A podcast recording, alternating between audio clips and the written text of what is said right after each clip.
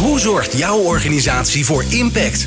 Wat betekenen jullie voor de samenleving? Bedrijven hebben de kracht om maatschappelijke vraagstukken op te lossen. Zo zorgen zij voor winst op alle vlakken.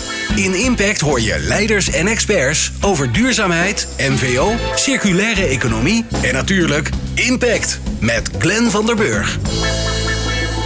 Onlangs kwam het nieuwe IPCC-rapport uit over de stand van klimaatverandering. Wat zijn de laatste inzichten? Voor welke uitdaging staan we nu eigenlijk als mensheid, mensheid en hoe kunnen we de transitie bewerkstelligen? In deze podcast zoomen we even uit en kijken we naar het grotere plaatje met nou, twee fantastische gasten. Helene de Koning, hoogleraar innovatiestudies en duurzaamheid aan de TU Eindhoven. En Dirk Loorbach, ook hoogleraar, dus nou, uh, ik ga weer een hoop leren deze aflevering. Sociaal-economische transities aan de Erasmus Universiteit Rotterdam en directeur van Drift. En deze podcast maken we samen met GroenLeven vanaf Terschelling tijdens Springtijd 2021. Dat is het jaarlijks forum waarin samenwerkingen worden gesmeed en krachten gebundeld om de wereld te verduurzamen. Helene en Dirk, bijzonder leuk dat jullie er zijn. Uh, nou, we hebben alle, allemaal een lange dag achter de rug. Dus dat is fijn om nu even rustig achteroverhangend uh, uit te zoomen en te kijken van wat is er nou eigenlijk gaande. Um, Helene, als we nou naar dat laatste IPCC-rapport kijken, waar jij nou bij betrokken bent volgens mij, wat moeten we daar dan van meenemen? Ja, nou, ik was niet nauw betrokken bij het eh, rapport dat in uh, augustus uitkwam. Hè. Dat was het werkgroep 1 rapport. Dus het gaat over de natuurwetenschap. Wat weten we nou van de temperatuurontwikkelingen? En nou ja, weet je, komt het wel echt door mensen en dergelijke? Uh, ik ben wel betrokken bij het werkgroep 3 rapport. Dat komt in maart uit, of april misschien. Uh, en dat gaat over mitigatie en emissiereductie. Maar ik kan wel wat zeggen over het rapport van uh, afgelopen maand. Er zijn een paar hele belangrijke boodschappen. Het zijn wel echt voornamelijk aanscherpingen van dingen die we al wisten. Dus het is niet... Ja, er staat niks nieuws in. Nou ja, er staat nu in dat, dat, dat de menselijke invloed op het klimaat is een feit. En zo sterk heeft het IPCC dat niet eerder kunnen concluderen. Er staat. Uh, Oké, en dat dachten we al. Dat, dat maar nu is het de, ook de, echt... laatste keer was het extremely likely. Oké. En nu is het een feit. Het is gewoon niet meer. Uh, je hoeft het er eigenlijk niet meer over te hebben. De maar... temperatuur stijgt en dat komt door ons. Dat is gewoon heel duidelijk. Dirk zit te kijken. Nou ja, het was, was wetenschappelijk was het al 100 jaar een feit. Is het al, nou ja, dus ja, je hebt het nu over een soort van de, het, de consensus is compleet. Het punt is, weet je, het mooie aan IPCC is dat uh, die samenvatting voor beleidsmakers, die worden geaccepteerd door alle landen in de wereld. Dus hmm. alle landen in de wereld hebben nu geaccepteerd dat die temperatuurstijging door mensen komt en dat dat een feit is. Uh, ook Saudi-Arabië, ook de Verenigde Staten, ook China, ook al die landen waarvan we wel eens zeggen dat ze, dat ze te weinig doen. En ze hebben natuurlijk eerder ook al geaccepteerd dat het uh, extremely likely en dat soort dingen was. Maar nu accepteren ze dus allemaal dat het een, een feit is. En ook dat de consequenties uh, ja, ernstiger zijn eigenlijk dan we eerder weer dachten. En dat is het, het, het vervelende aan IPCC-rapporten. Iedere keer komt er weer eentje uit en dan is het weer ernstiger. Uh, daarnaast uh, is een belangrijke boodschap dat ja, als je kijkt naar hoe snel je emissies kunt reduceren, daar gaat dit rapport overigens niet over, maar ze kijken wel naar verschillende emissiereductiepaden en wat dat doet met de temperatuur en of we dat gaan merken in de, in de impact. Dan komen daar een, een paar dingen uit. Eén is dat, dat we waarschijnlijk niet meer helemaal onder de anderhalve graad kunnen blijven. Uh, maar als we nu heel hard gaan mitigeren, komen we er een beetje bovenuit en zijn we aan het einde van de eeuw er wel onder. En dan halen we dus wel de doelen van het Parijsakkoord, want die gaan over het einde van de eeuw. Um, een ander is dat je de eerste twintig jaar waarschijnlijk niet zo heel veel merkt van de verschillen in impact. Omdat we, ja, dat, dat, dat, het klimaat reageert uh, langzaam. Oké, okay, dus een soort vertragingseffect in. Ja, zoiets, ja. Maar later uh, is het verschil wel groot. Uh, dus het is sowieso wel de moeite waard om eerder te gaan mitigeren. Eén uh, uitzondering in zekere zin is daarop de emissies van kortlevende broeikasgassen, dat is met name methaan. Uh, als je die uh, snel weet te reduceren, dan haal je echt de scherpe kantjes van, de, van het extreem weer met name af. Dus dat is ook echt wel de moeite waard. Dus na CO2, wat natuurlijk de hoofdmoot is en het belangrijkste, nou, um, is methaan ook heel erg uh, belangrijk om daar de snelheid van uh, toevoegen van methaan aan de atmosfeer te verminderen. Bij, bij, CO2 gaat het om de concentratie van CO2 in de atmosfeer. Bij methaan gaat het om de snelheid van uh, hoe je dat in de atmosfeer, hoe snel je dat in de atmosfeer brengt. En, en, ja, en ik heb al begrepen dat methaan eigenlijk nog heftiger is, meer impact heeft dan CO2? Nou, het is een, een molecuul methaan heeft uh, verwarmt meer dan een molecuul CO2. Maar de uh, uiteindelijke opwarming hangt ook af van hoe lang het in de atmosfeer blijft. En dat is dus bij methaan een jaar of tien gemiddeld. Ja. maar bij CO2 veel langer. Ehm, dus ja, dus je hebt eigenlijk andere eenheden voor hoe je die emissies moet inschatten. En vroeger gooiden we het allemaal op één hoofd, hoop en was het allemaal CO2-equivalent. werd het eigenlijk omgerekend naar CO2. Dat doet het IPC nu niet meer, omdat die op de korte termijn die effecten zo anders zijn. Dus je hm. moet het echt als twee verschillende groepen gassen uh, behandelen. Nou, methaan komt uit met name de fossiele industrie en, en de landbouw. Landbouw, ja. dus daar ligt ook wel ook een korte termijn opgave. Ja, en wat doet dit, deze inzichten, wat doet dat dan met wat wij te doen hebben met z'n allen? De keuze die we maken. Hè? Want nou ja, daar gaan we straks met Dirk ook nog over hebben.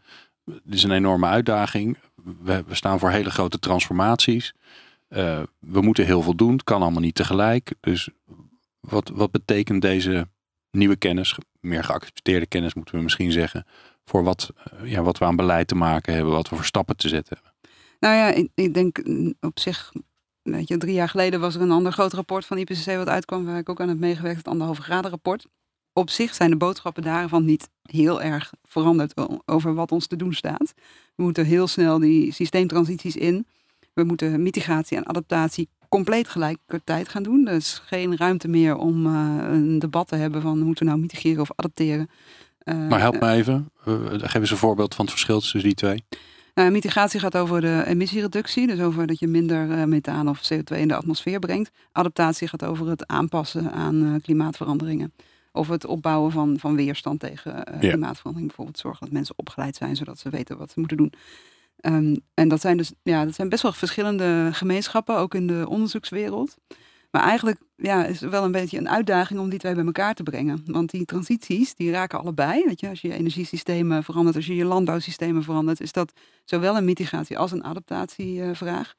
en in het anderhalve graden rapport namen we dat al uh, bij elkaar. Uh, maar nu is het ook heel duidelijk dat die ja, dat je eigenlijk, als je nu een maatregel neemt voor adaptatie, bijvoorbeeld ruimte voor de rivieren of dijken versterken, moet je eigenlijk ook zorgen dat je dat op een zo klimaatneutraal mogelijke manier uh, doet. Dus ook zo, zo min mogelijk emissies daarbij veroorzaakt. Ja, en wat we vandaag langs hebben horen komen, we hebben de waterschappen bijvoorbeeld langs uh, gehad. En die zeiden ook van ja, ze zitten elkaar ook een beetje in de weg. Want we in Nederland hebben niet zoveel plek.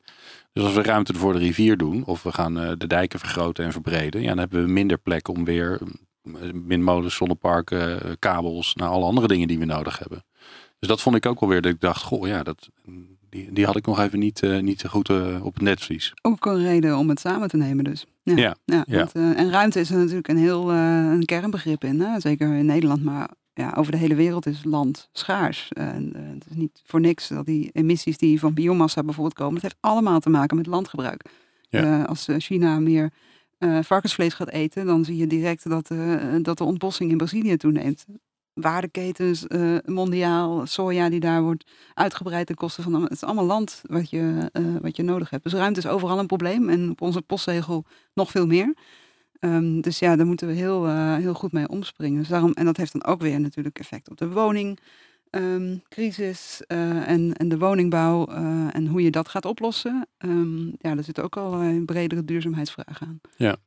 En wat ik altijd merk, hè, uh, dat ligt niet aan jou alleen, want als jij het vertelt, dan kan ik het nog goed, goed verteren, zeg maar. Maar als ik, als ik dit soort dingen hoor, dan denk ik, eh, dan begin, begin ik ook een beetje somber te worden.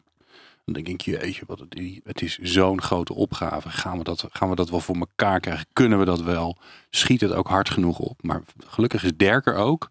Want die, die snapt... Om nou, te brengen. Nou ja, dat niet per se. Maar jij snapt wel. Jij, bent, je houdt je bezig met hoe, dat, hoe, hoe die transformaties dan werken. En hoe, uh, hoe dingen elkaar opvolgen en elkaar beïnvloeden. Dus eh, help me daar eens mee. Want dan kunnen we ook een beetje terugkijken naar... Want we, zijn, we beginnen niet vandaag. Hè. We zijn al een tijd bezig met elkaar. Dus hoe zitten we daar dan in? in nou ja, het, het, interessante is uh, even ook om, om uh, wat Helene vertelt en hoe ze het vertelt uh, vanuit een transitieperspectief te beschrijven. ik reageerde even op die wetenschappelijke feitelijkheden, want die, die is al heel lang. Hè. 120 jaar geleden werd al geconstateerd, CO2 komt vrij bij, bij kolenverbranding en dat heeft een, een atmosferisch effect. Gewoon natuurkundig proces weet niet, 100, 100 wie, wie kwam er mee? Arrhenius. Ja, Arrhenius 1896 volgens nou, mij. 1896, wetenschappelijk feit. Hè? Dus alleen vervolgens gaat het, ik ben een sociaal wetenschapper, dus ik kijk naar uh, uh, hoe krijgen feiten betekenis in een maatschappelijke context. En uh, dat, dat, dat proces beschrijft Helene net. Hè? Dus we zijn als wereldgemeenschap verschoven van er is misschien iets aan de hand. Hoe erg is het nu? En daar hebben we in uh, de VN-conventie uh, Klimaat en de VN-conventie Biodiversiteit voor opgericht met een bepaalde structuur. dus je hebt een, een, een, IPCC, een wetenschappelijke wereld. Bij, bij biodiversiteit, biodiversiteit heet het IPBES. Dat zijn onderzoekers die eigenlijk de feitelijkheden in kaart moeten brengen en de wetenschappelijke basis moeten formuleren voor een aanvankelijk een beleidsproces en uiteindelijk een politieke besluitvorming. Uh, een gesprek waarin geconstateerd wordt, er is iets aan de hand. En uh, uiteindelijk, en Helene gebruikt het woord moeten heel vaak, uh, opvallend genoeg, ja, betekent die wetenschap dat beleid iets moet doen. Maar er is een klimaatregime ontstaan, die IPCC, die, die dan vertelt hoe slecht het is. En dat elke keer gaat het net wat slechter. Um, en de, aan de andere kant zitten beleidsmakers en ambtenaren die moeten onderhandelen. En, en dan zitten de Chinezen en de Amerikanen. En die, nou, dan gaat het over ontbossing. En wij moeten ook groeien en vooruitgang. En dat is een heel complex, messy proces. Hè, als we bestuurskundig zeggen, dat is allemaal gaat over macht en belangen en over verwachtingen. En, en nou ja, uiteindelijk, hoopvol, krijgen we daar dan een soort consensus. En komt er dan een Parijs Klimaatakkoord staan om te juichen. Maar in de realiteit verandert er nog heel weinig. Dus dan gaan we weer een nieuw rapport maken. En dan, er verandert natuurlijk wel wat. Nee, want, ik wou zeggen, ondertussen zijn er allerlei ondernemers, die zien wij hier ook rond, die zijn gewoon lang begonnen. Nou ja, dat is dus het, het dubbele wat er ontstaat. Dus die, die, die uh, deels ook heel veel wetenschappelijke disciplines uh, die met, zich met het probleem bezighouden, die, kunnen, die gaan ook alleen maar verder op die bestaande weg. Wij noemen dat dan regime van, van het bewijzen van het probleem. En heel die, die beleidswereld, daar, die zitten, daar zitten ook mensen die proberen met alle macht uh, vooruitgang uh, te creëren. Maar binnen een beleidsomgeving is dat heel ingewikkeld. Want er zijn ook andere belangen.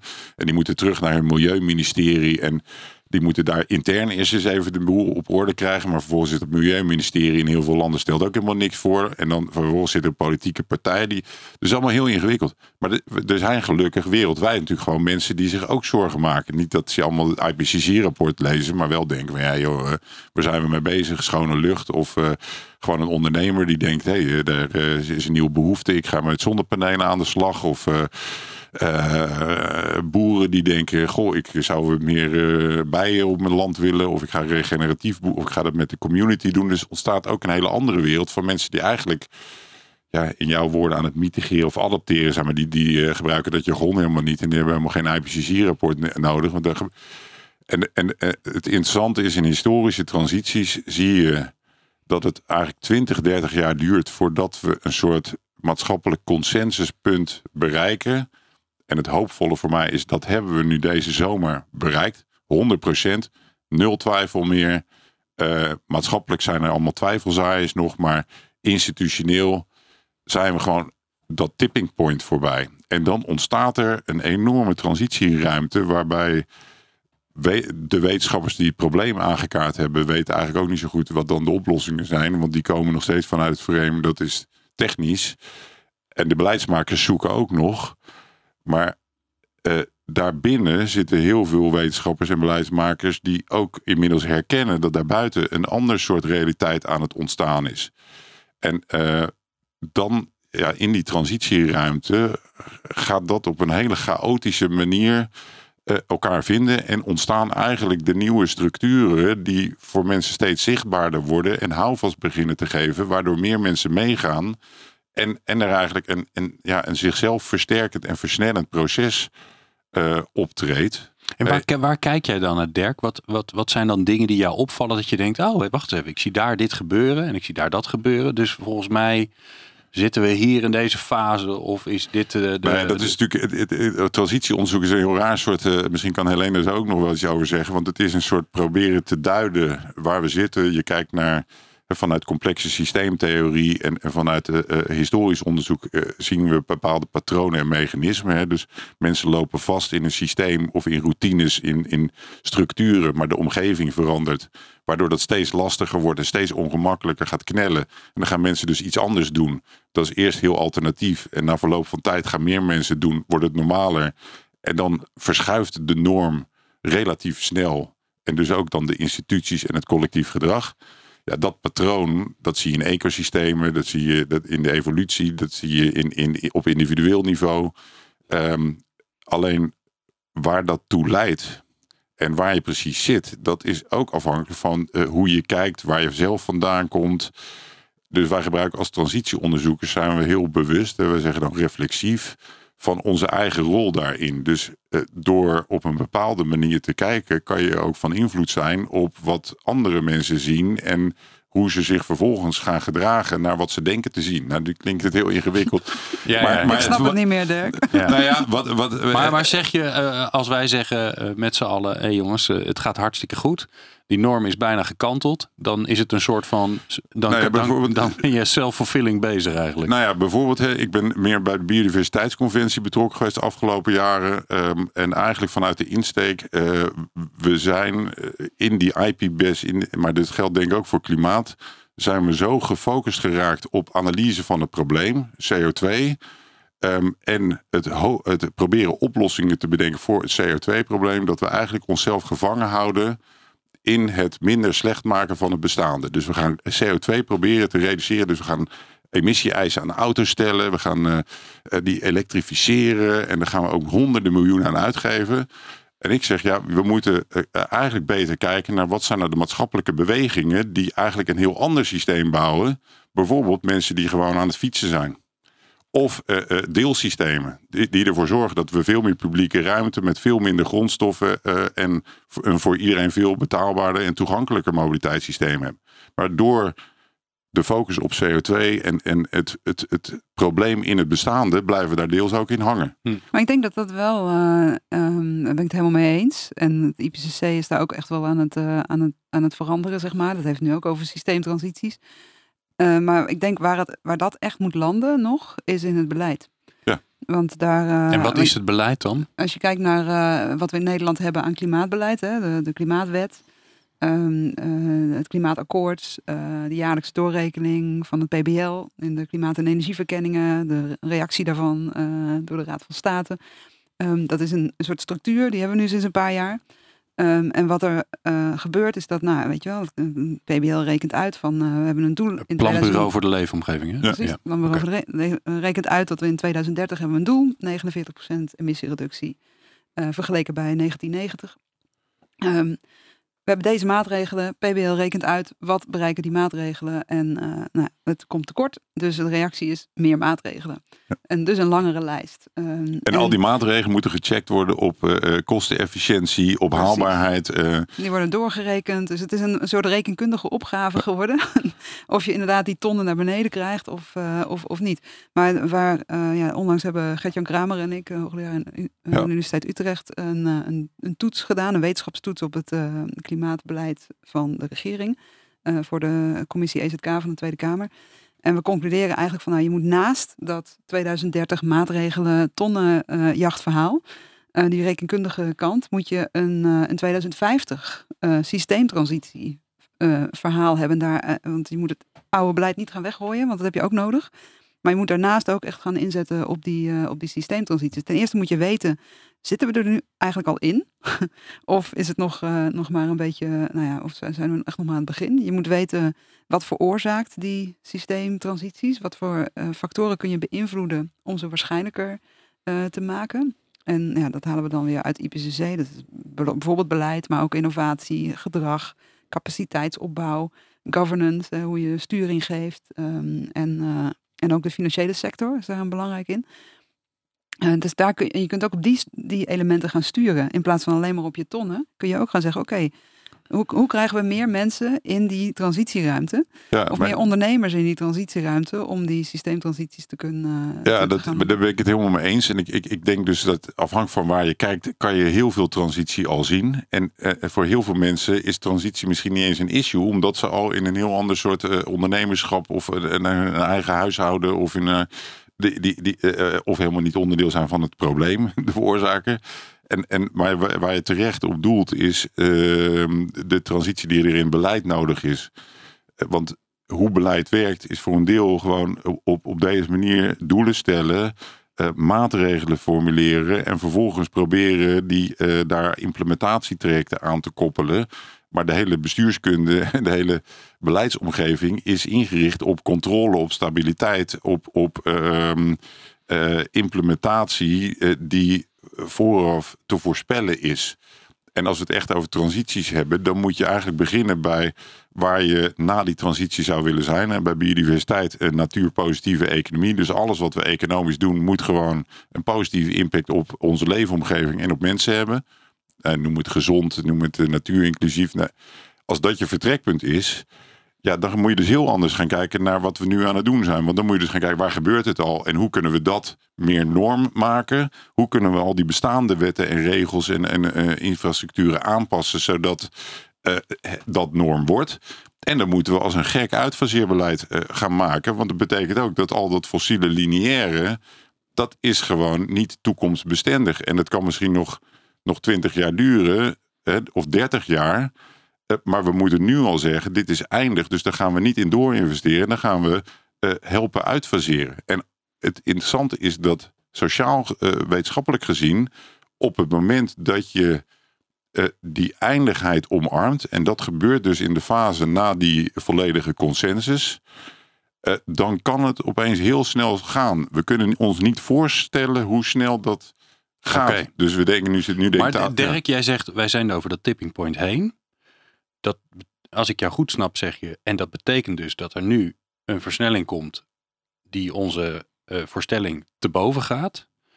Uh, maar wat we er wel voor nodig hebben, en, dat, en dan gaat er bij mij, dan voel ik de rem alweer, is beleid. En dan denk je, ja, beleid duurt lang, en een consensus en overleg. En dan gaan we weer, hè, dan gaan we polderen. En nou ja, alles wat waar we in Nederland goed in zijn, waar we ook heel veel te, aan te danken hebben overigens. En ik, als ik hier met mensen praat, dan is één ding iedereen, die iedereen voelt, is dat het niet hard genoeg gaat. dus mensen maken zich zorgen, zijn positief over wat er gebeurt, dat wel. Dus er komt ook veel energie vrij. Maar het moet wel sneller. Dus ook ongeduld. Ja, en dat is aan de ene kant het ongeduld van elke ondernemer. Dus, dus, uh, ja, maar ik hoor ook ambten, ongeduldige ambtenaren hebben, hoor, zie ik ook. Ja, maar dat zijn ondernemende ambtenaren. De ondernemerschap zit gelukkig overal. En het interessante is, het gebeurt dus op heel veel plekken tegelijkertijd niet snel genoeg. Uh, ik als transitieonderzoeker ga gewoon, naar de, ik zit er een beetje boeddhistisch in. Ja. Transitie heeft ook zijn eigen autonomie. Dus het, het, verschuiven van de, van de manier van denken en werken bij de IPCC, ja, dat kost, er zijn enorme krachten. En het gaat ook over cultuur en gedragsverandering. En dat, alleen daar zit dus een soort zichzelf versnellend mechanisme, omdat overal mensen, ook binnen die structuren, beleidsstructuren, binnen de wetenschap. Dus het is overal aan het schuiven en dat gaat uh, zichzelf versterken. Alleen dat is vooral een proces waarbij we uit evenwicht raken, dus uit die repeterende groef. En dan ontstaat die transitieruimte. En dat is niet een recept dat we straks allemaal Hosanna in een uh, utopische, klimaatrechtvaardige nee. toekomst terechtkomen. Want het gaat over hele grote belangen. En die auto-industrie die wil liefst dat we allemaal gewoon in een elektrische auto blijven rijden. Ja, maar, niet in een deelauto. En niet in, in, in, in, in een klein deelautootje uh, wat circulair is en uh, uh, wat lichtgewicht is. En, ja. Nee. En, en zijn dan de, ben ik wel benieuwd naar, hè? want de afgelopen tijd hebben we natuurlijk een paar spannende dingen beleefd. Natuurlijk de, de agenda-uitspraak, we hebben de Milieudefensie die de zaak tegen Shell. Hè? Dus er zijn ineens, de, de, de wet helpt ineens om te verduurzamen met z'n allen. Uh, maar ook uh, pensioenfondsen die echt keuzes maken. Die zeggen, we gaan niet meer in fossiel, punt. Hè? De leden hebben ons opgeroepen, dus wij gaan dat doen. Zijn dat dan voor jullie de, ehm, de signalen waarbij je zegt... hé, hey, maar dit zijn, dit zijn grote instituties. Het zijn niet meer leuke kleine start-ups of ondernemers... Of, of mensen die op de barricade gaan. Dit zijn grote organisaties. Ja, ja ik denk wel dat het signalen zijn... Um, ik denk nog niet dat het uh, genoeg is. Maar bijvoorbeeld die, de hele rechtspraak en wat hij nu voor uitspraken doet, dat is één van die vele drukpunten die, uh, een, die, die een systeem een klein beetje een andere kant op kunnen duwen. En als je genoeg van die drukpunten hebt, dan kan het inderdaad heel snel gaan. Want dan kun je zichzelf versterkende processen krijgen en dan werkt het recht samen met de financiële sector, met het beleid, met het ondernemerschap, met wat mensen eigenlijk vragen van, uh, van producten en van bedrijven die producten leveren et cetera, et cetera. En dan, uh, ja, daar moet je komen, weet je, op die plek, dat je in die versnelling uh, gaat. En daar zijn we, ik denk, weet je wel, bij elektriciteit zie ik, zie ik het wel, weet je wel. Daar, daar helpt het beleid trouwens enorm in mee. Ehm, eh, maar bijvoorbeeld bij, en bij industrie komt het denk ik een beetje. Maar bij mobiliteit zie ik het eigenlijk nog heel weinig. Bij landbouw zijn er heel veel tegenkrachten die nog heel veel tegenhouden. Ehm, en de gebouwde omgeving zit er een beetje tussenin, denk ik. Ja, Maar ik zie dus meer wel- mobiliteit, maar die elektrificatie, maar dat is de technologische transitie, die, die is Die gaat wel, ja. eh, gaat vanzelf. Maar als je kijkt wat ook hoe, hoe steden corona hebben aangegrepen om eh, meer in te zetten op wandelen, op vergroening in de buitenruimte, parkeerplaatsen weghalen, fietsinfrastructuur aanleggen, eh, wereldwijd, is, is dat enorm. Dus in stedelijke Sommige steden. mobiliteit. Sommige steden. En echt, de, de- ja, Nou ja, nee, helaas ik niet weet niet waar jij woont, maar niet in de stad. Nee. nou ja, daar is het helemaal nog lastig. Ehm, nee, maar dat, eh, eh, ehm, ja, dit, dit, proces is natuurlijk overal gaande. En, en ik, ik zie dit ook. Dit is een soort speldenprikken, zeg je. Een soort acupunctuur. Maar er wordt op allerlei punten gedrukt. En dan... Ja, maar het zijn geen speeltjes meer. Dat is eigenlijk wat ik. Ik heb het idee. Want ik, ik vind altijd dat we te weinig terugkijken. Hè. Stel je voor dat deze dingen die nu in het afgelopen jaar, of afgelopen twee jaar gebeurd zijn, dat die tien jaar geleden plaats hadden gevonden. Dat hadden we ons volgens mij helemaal niet voor kunnen stellen. Dat kon toen helemaal niet. Nee, en, to- en het interessante wa- was, toen waren we ook al mee bezig, maar tegen kolencentrales, toen die nieuwe kolencentrales in Nederland gebouwd werden, er waren natuurlijk genoeg mensen die zeiden, dit is belachelijk, dit moet je niet doen. Wetenschappers, activisten. eh, en dat is, ja, daar, daar, daar zit ook een soort rare eh, eh, dynamiek, want, want uiteindelijk krijgen dat soort partijen dan gelijk, alleen duurt het heel lang. Ehm, en vervolgens blijven die eigenlijk eh, eh, ontevreden. Ja, vaak. want ze zijn nu alweer, hè, die zijn alweer verder, Er toch? is alweer een volgende eh, ding Maar- wat veranderd moet worden. En dat is natuurlijk ook iets wat, ja. Maar is dat als de, de, rol, de rol van deze mensen, deze clubs, om, om juist dat te doen in die transitie alleen? Is dat, zullen die wel- welke altijd, nou ja, die, eh, ja, die, die, die met, met, met vaandel de straat op gaan en, eh, en de strijd aangaan? Ja, of, in de, eh, of, of misschien een beetje onder de oppervlakte. Dat is natuurlijk ook heel belangrijk. Hè? Het hoeft niet alleen maar eh, Ja. eh, in het publieke Of vanuit de wetenschap te, te blijven benoemen wat er, wat er eigenlijk niet normaal is, maar wat we maatschappelijk gewoon volledig geaccepteerd hebben. Hè, De, de, de, de, de recente WHO-rapport weer over luchtkwaliteit. En eh, we hebben natuurlijk conventies over fijnstof en, en eh, luchtkwaliteit. Maar dat is een soort economisch compromis. Zoveel doden accepteren we voor economische groei. Maar dat, ja, het is wel. Ik denk ook dat, dat parlementen daar een rol in hebben. En, en wat dat betreft is het wel eh, ja, zorgelijk dat, dat, dat het zo gefragmenteerd is op dit moment in de Tweede Kamer. Want je hebt er ook gewoon, dat is een van die voorwaardelijkheden in dat IPCC-rapport ook, wat we ook in die wetenschapstoets zeggen, is capaciteit. Is mensen die ehm, de kennis hebben en die de tijd hebben om, eh, om die druk ook echt uit te oefenen. En op het moment dat je heel veel fracties hebt met, met een half man en een paardenkop, eh, die zich dus niet echt kunnen verdiepen in die problematiek en dus ja, de, de regering gewoon heel weinig eh, tegenwicht kunnen, kunnen geven, dan heb je, ja, heb je daar wel e- echt een, Ja, maar een dat- controlerende macht die, die, eh, ja, die toch wel zwakker is dan die, eh, dan die zou moeten zijn. Ja, dat, dat, die zorg deel ik heel erg. Ehm, ik, ik ga er toch aan de andere kant ook eh, benadrukken dat er een soort maatschappelijke ehm, kennis en competentie in opbouw is, eh, die, eh, die politiek ook aan het voeden is. Maar het gaat wel twee kanten op. Hè. Dus aan de ene kant hebben we vanuit het, de, de BV Nederland en het lineaire fossiele model wat daarachter zit, natuurlijk eigenlijk een soort van steeds minder visie, want er is eigenlijk steeds minder toekomst voor. Eh, maar we houden nog steeds vast en we proberen die stationair te eh, eh, laten draaien, tenminste de delen van onze samenleving. En dan zijn er eigenlijk twee bewegingen gaande die voelen dit is niet volhoudbaar. Eh, dit staat op losse schroeven, maar oh, wat gaat er gebeuren?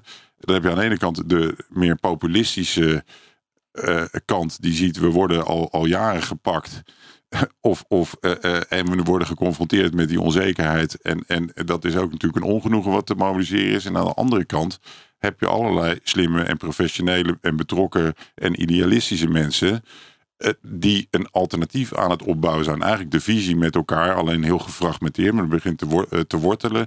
eh, die, die veel mensen van de politiek verwachten. Maar die komen er zelf ook niet uit. Maar daar ontstaat eigenlijk het draagvlak en, en de richting die straks de politiek zo op kan pakken. En, en hopelijk vanuit de politieke verantwoordelijkheid in collectieve structuren en instituties gaat vertalen. Waardoor iedereen mee kan in, dat, in een proces naar een gewenste economische toekomst. Alleen? Ja, nee, helemaal, helemaal mee eens. Ik bedoel, de, de- ik, om het even weer terug te brengen, want we- er komt heel veel aan bod, hè? Ja, nee, dat is ja, het, we einde van de dag. uitzoomen. einde van de zoomen uit. Het is het einde van, van onze opnamedag, dus alles mag. Maar we hebben dus die, eh, om de klimaatdoelen en trouwens ook andere duurzaamheidsdoelen te, eh, te halen, hebben we systemische transitie nodig. Dus echt eh, dingen die niet alleen maar een rijtje technologieën zijn of maatregelen, maar, maar veel meer aan de, de wortels van het systeem zitten. En daarvoor hebben we allerlei verschillende drukpunten. En ja, het is waarschijnlijk onmogelijk om een complete lijst te maken. Ik bedoel, een paar jaar geleden hadden niet zo heel veel mensen gedacht aan de rechtspraak als een drukpunt. Inmiddels is het natuurlijk wel duidelijk één. Er waren een paar visionairen die dat deden, maar de rest, eh, ja, en, en, en de protestbewegingen en eh, activistische aandeelhouders. En, ja, weet je dat, dat, dat, daar worden dingen gemobiliseerd die we eerder niet hadden. En dat is denk ik heel, eh, heel hoopvol. Ja, wat ik ook interessant aan vind, is dat het, dat het het bestaande systeem is. Wat helpt. Hè? Wat, wat eh, Mark van Baal natuurlijk doet met het aandeelhouderschap. Waarvan we allemaal zeggen, ja, dat is, eh, eh, het aandeelhouderschap, het, het, het niet je echt betrokken voelen bij, dat zorgt ervoor dat het alleen maar om geld gaat. En hij draait dat dan om. Dus dat vind ik ook wel weer Maar dat is interessant. echt het is fascinerend in die tra- transitiedynamiek waar we in zitten. En, en die, eh, we hebben dan vaak over regime en niche in, in transitietheorie. Dus regime is dan de gestolde werkelijkheid. En niche, dat zijn de koplopers. En, maar we zien eigenlijk al jaren dat daar veel meer diffuse grenzen in zitten. Dus er ontstaan niches in het regime. En er staat eh, regime in de niches. Dus de koplopers hebben soms ook, eh, lopen ook vast. En, en waar we nu naartoe gaan, die transitieruimte, is eigenlijk dat we het niet goed meer weten met elkaar.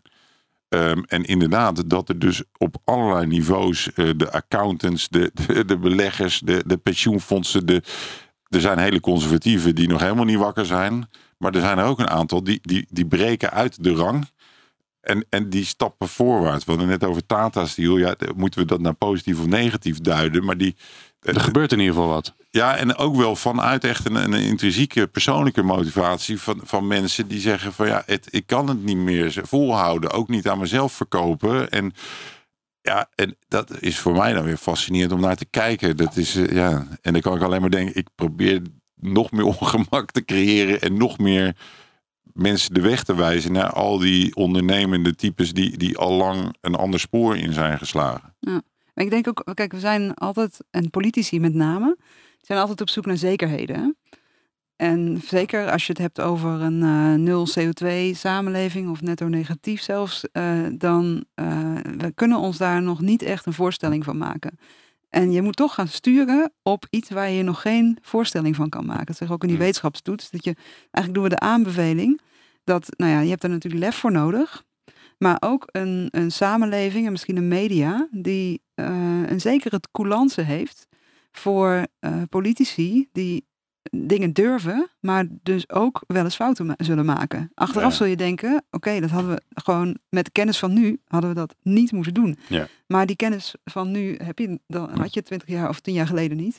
Dus, dus er, zullen, uh, we zullen, er zal geld verspild worden.